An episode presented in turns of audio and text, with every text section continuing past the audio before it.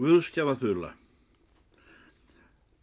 Framhald á 11. kapitula Ráðherravíslu Bessa Hjálmarssonar Þegar búið var að drekka dálti sérri upphófst svo góði ráðherra sem Íslands Bessi hafiði áður gert mér kunnugan að sínum hætti en reyndist vera sannur kórbóndi og spurði kórrétt um staðreindir af þess konar imborin í kurtísi sem sumir kalla franska og einat hefur dölum brott.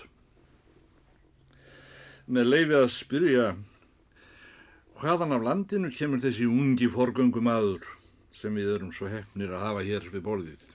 Ég held kannski að Bessa Hjálmarsinni, stórútgefarmanni, hafi láðst að kynna okkur þannan góða gest áður en við settumst undir borð. Þetta var erfið aðtúasemt og þó ekki verið nema upphefið eitt með leifi að spyrja. Bar nöðsin til að gera hátíðlegan fyrirvara um kynjamann sem dregin hefði verið óforvarandi suppað vesluborði fyrir manna. Gat svona kurteysi breytt yfir annað en áminningu um að nú væri full langt gengið. Með leifað spyrja. Þessi kurtisisformáli sagður með öðrum orðum á ögn annan veg hljóðar svo. Hvaða helvítis ofurskömmu heitir þetta einlega, má ég spyrja? Hvaðan af landinu var líka nærgungul spurning við mann eins og mig. Ég hafði ekki hugmyndum hvaðan ég var af landinu hafði aldrei spurt um það, stóð sama um það. Ég þekkti bara eina gamla konu sem nú er dáin, hún var fóstra mín. Ef ég var Íslandingur, þá var það ekki samkvæmt kirkjubókum, heldur fyrir Guðs náð. Kanski grunaði spyrilinn þetta. Ráðarar eru ekki allir þar sem þeir eru séðir og þegar hann setti upp óhagganlegan sögðar og, og heiðarleika svip, benda og sagði forgöngumadur og góður gestur um mig þá máttu að minnstakosti þeir viðstattir er lesið höfðu snorra vita að slíkt var háð en ekki lof. Mér var ljóst að engin meðal gesta vissi deili á mér nema kona Bolsjevíkans sem þá var hérverandi og það lítið þau hjón vissu var eitthvað málum blandað. Ég sagði eins látt og ég komst af með.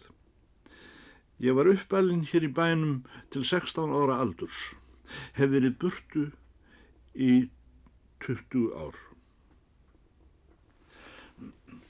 Andabundin varð óvænt sá maður sem bar í bætifláka fyrir mig eftir vil af því hann hafi hirt mig bendlaðan við fuggla.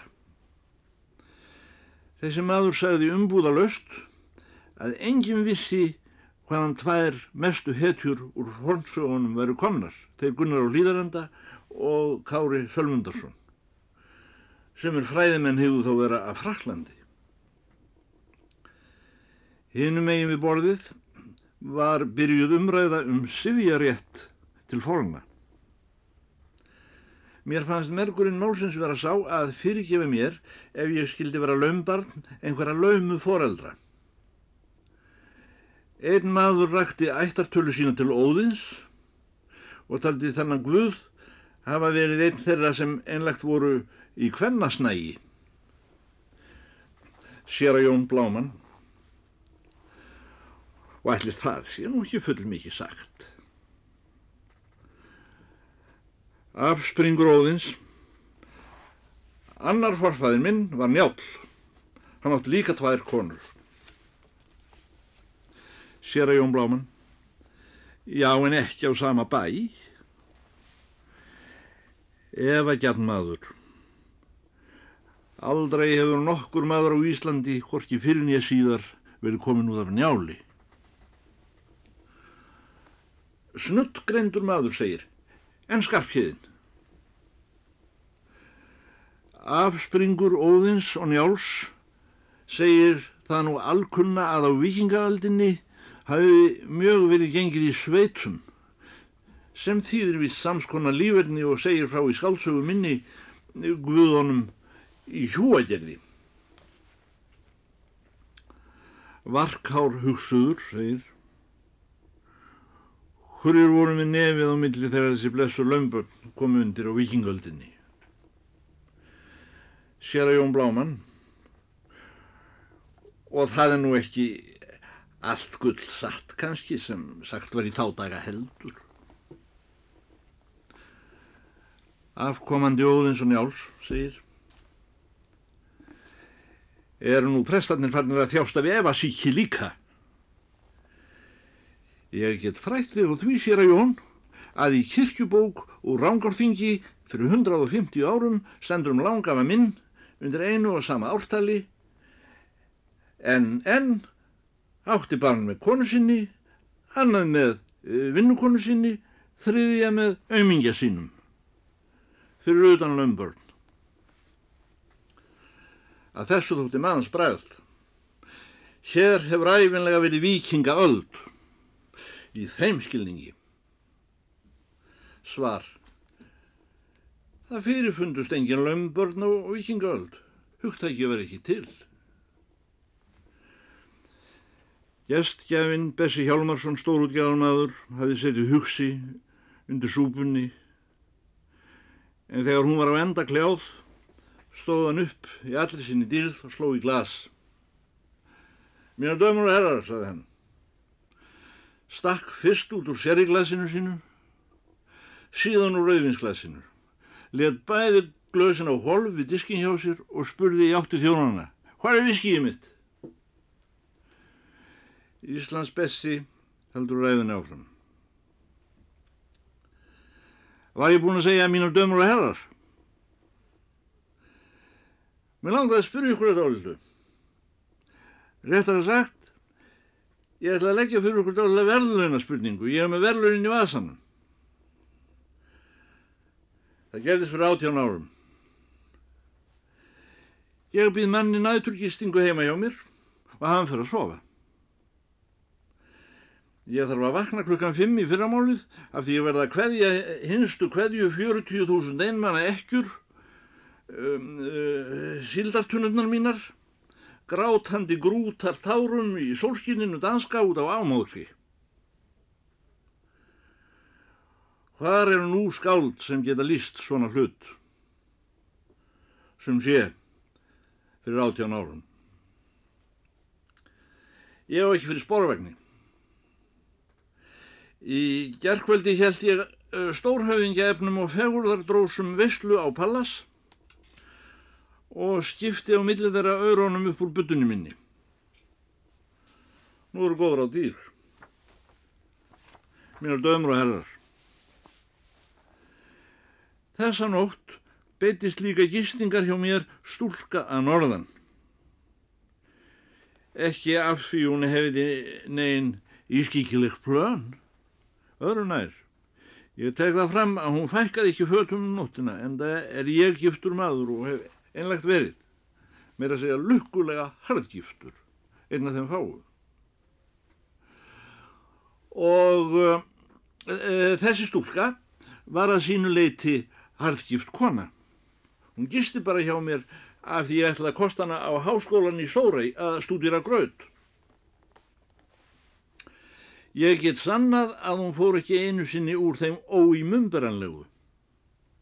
Og hvað skeður? Stúlkan sefur þannig eins og hrútur. Hún er þreytt. Hún er ekki sofið í þrjár nætur. Hún er búin að vera sjóvik. Hún er hungruð. Hún ætlar að fara að læra að gera gröð. Hvað að taka til bræðs? Ekki nenni ég að fara að vekja þessu stúlku klukkan fimm að modni og slá hann um penninga og standa í útskýringum við hana. Þetta margar grútskítugar tunnur með morkinni síld á ámakri og þar fram eittu gödunum. Hún myndi ekki hafa skilið það. Hún hrítur með skilningarvitunum öllum í einu og skinnsálinn hennar stendur opinn á náttborðinu hjá henni. Æ, ég útskýri það fyrir henni setna segi við sjálfan mig og fyrir að leita í sálinni hennar. Anskot af mér þar var eirir. Þegar ég spurði frúna setna að hverju hefði ekki verið eirir í turunni, þá sagðist hún hafa fundið upp á því að sauma fjársjóðin sinn í buttu innan lærs á brókinni sinni, svo ekki þið stólið af sér í útlandinu. Svona engin vitunum að hvem fólk. Þá fyrir ég inn til þessa unga næturgerst sem ég hefði líka bóðið að vera og veskið hans stóð út undan kottan. Hann var svo sakleisislegur til munnsins og hann dreymdi svo fallega að ég tímd ekki veikan. Sem hann sefur þar tekið fram veskið hans undan kottanum og í því eru segi og skrifa 35 krónur sem hann hafi haft upp úr sér með kanaríu verslun daginn áður. Og þeim stingi á mig. Auðvitað í því ráðinn að borga honum undir eins sama daginn. Síðan eru liðin átjón ár. Mínur dömur og herrar. Nú kemur velun að þrautin. Hvort var ég heldur þjófur eða ræningi. Sá sem vinnur fær danskan smikklbjór. Hann er kannski aldrei volgur að því ég með hann hérna á mér, en það er ekta Karlsberg. Bersi Hjálmarsson kom með bjórin upp úr afturvasanum á bjúksónu sínum og setti þennan verðlögnagreip með skelli á borðið fyrir fram að sig. Mönnum leist þetta ekki áreinileg spurning. Sumum fannst hún ekki eiga við og ráðningin ekki skipta máli. Öðrum fannst hún skrítin. Þó hygg ég flestum hafi þótt hún fullþung í annan endan, að minnstakosti oft hengt siðfræði, sálfræði, félagsfræði og fleiri óhugnanlegum fræðigreinum til þess verðt væri að fara út í þá sálma alla saman undir borðum. Íslands bessi við undirritaðan. Varst ekki búin að lofa að skrifa æfisögum mína vinnur. Maðurst ekki að það er ég sem er komin á gullróum. Hann ávarpaði mér aldrei með nafni alla okkar kunningsskapartíð. Lengi held ég að hann hefði aldrei sett á sig hvað ég hétt, þó hann kannadist eftir nafnið ef hann rak augun í það á prenti undir einhverju rollu. Ég er líka á því að hann hefði lokið sínu fræga lífi án þess að lesa eftir mig staf. En hann þekkt á mér andlitið og taldi það saglýsislegt. Takktu vel eftir því sem ég segi núna, heldur hann áfram. Aldrei hef ég komið eins upp um mig við nokkur lifandi mann. Þú stelur penningum undan kottanum hjá menni meðan hann sefur. Þú veist að þegar hann vaknar þá veit hann það varst þú. Pólitíð býr hinnum með við göttuna. Þetta er í eina skiptið á æfinni sem ég hef fornað mannorði mínu fyrir peninga og gert nafn mitt ofinbarlega réttræpt. Þú ert í þínum rétti að kalla mig uppvísan þjóf og ræningja hvaða dag sem er. En þú gafst mér líf. Takk, lilli dræn. Hann losaði um tappan á bjórflöskunni með áhaldi sem var á úrfestinni hans, lifti flöskunni fyrir mér og sagði, skál, æfina út. Hann setti flöskun á mun sér og knefði niður til háls, rétti mér hana síðan yfir borðið með því sem eftir var í henni. Drengstölinn sem staðið hafði fyrir utan á Hótel Borg þegar við fórum inn, stóðar enn þegar við fórum út. Hann horfið lotningar fullur á potentáta djúbvíkur, fylgja liði út frá borðum, í gerfi undir kontoristareglunar. Þessi drengur týndi okkur Íslandsbessa út úr og drakk okkur ofan í sig með augunum. Mátt við er heimsins, hurfu, sinni hvar í áttina, fyrir horn. Stafbroturinn stóð til lofts, skáhalt, upp um handarkrigan á Íslandsbessa og myndaði sitt 30 gráða hotn við ryggsúluna, hvort heldur hunnin vísaði upp eða niður. Grósherinn leiti mig undir handarjæðri sínum á hægri hönd inn í Östustræti. Þar var fyrir okkur stort hús á mótu sólinni hinn vegið göttuna og gildir stafir eftir endilangri hliðinni, bankin. Ég þykist vita að þú eigir heima hér, segi ég. Íslands bessi svarar. Ég þarf að skreppa ánga á fund. Vilt ekki koma líka? Ef þau vantar peninga þá fást þér hér. Auðvitað vantar mann allatíð peninga, segi ég. En það er óþarf að láta bera á því. Og kannski betra að eiga fáa en marga. E, viltu ég skrif upp á handavér fyrir húsi? Ekki mjög stóru, segi ég. Kanski fyrir litlu húsi. Þá vandast máli, segir hann. Hér fást ekki litlir penningar. Aldrei byggjum lítið. Þá er bara hleyið. Betra byggjum síldarbát en hús, en helst reysa verksmiðju. Verksmiðjur eru vinsalir í kreppunni. Gerfi kjanna verksmiðja með abelsínu keim er gott í bjórbanninu. Sömleiðis karamellu og skósvertu verksmiðja tví í alla svona framleiðslum á hafa sama essensin. Hann kemur á töngum. Þú veist aldrei hvort þú ert að geta skósvertu eða karamellur, en það skýttir það ekki máli. Og það er líka hægt að setja upp verksmiður fyrir smáiðinnað og endur bæta þeir gömlu. Til að mynda stendur í blöðunum að ég er í axlabanda verksmiðju á Djúbvík gott ef ekki nappagataverksmiðju sem um, gerir það gott ef hún er ekki farin á hausin. Vertu blessaður og sæl og sjáum hans fljótt aftur, ég er að verða á senn. Hann var horfinn inn í bankan. Og þá stendur þessi litli drengur enn undir bankavegnum og er að horfa á mig. Ég gæti ekki stilt mig um að yrða á hann, spyrja hver hann væri og þvíunlíkt. Hann tók ekki undir hverju mína en horfir á hurðina fyrir bankanum orðlaus eins og ég hefði dreyið upp dúfu úr hattinu mínum og hliftinni inn í lokaðan bankan.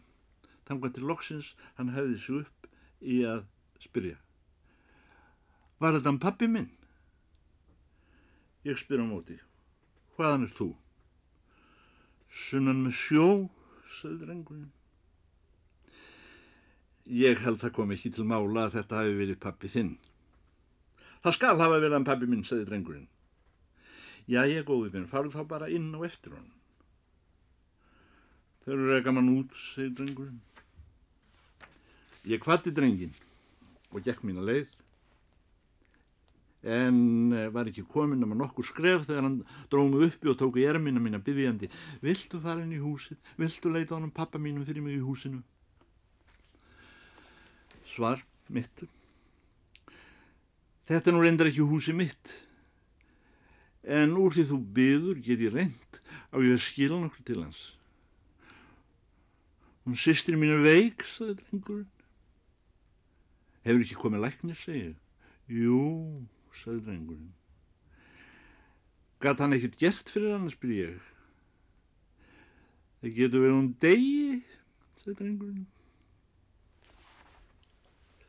Svo reðst ég til engungu í húsið en það fór eins og í draumum þegar maður þykist tapa vinsinum í stórt hús og það er margt mannafyrir og bjart yfir hverju andliti og engin öðrum til meins og öngum illa við neittn og engin verður hissa þó ég sé komin.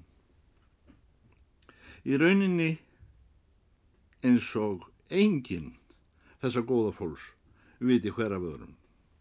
Ég leita á leita í draumnum að vinn mín spyr og spyr, lík upp fleir og fleiri hurðum, geng sal úr sal, upp og afan stiga og, og kannast svo vel við mig þessu sæla hlutlausa margminni þar sem allir brosa svo vel en hver og einn inn í sjálfan sig. Sambandslöst og enginn svara neinum af því allir eru á sama tilverust í dýrðarinnar. Dánir og hólpnir þegar ég loks kom út í sólskinnið aftur þá var drengurinn farin af gangstittinni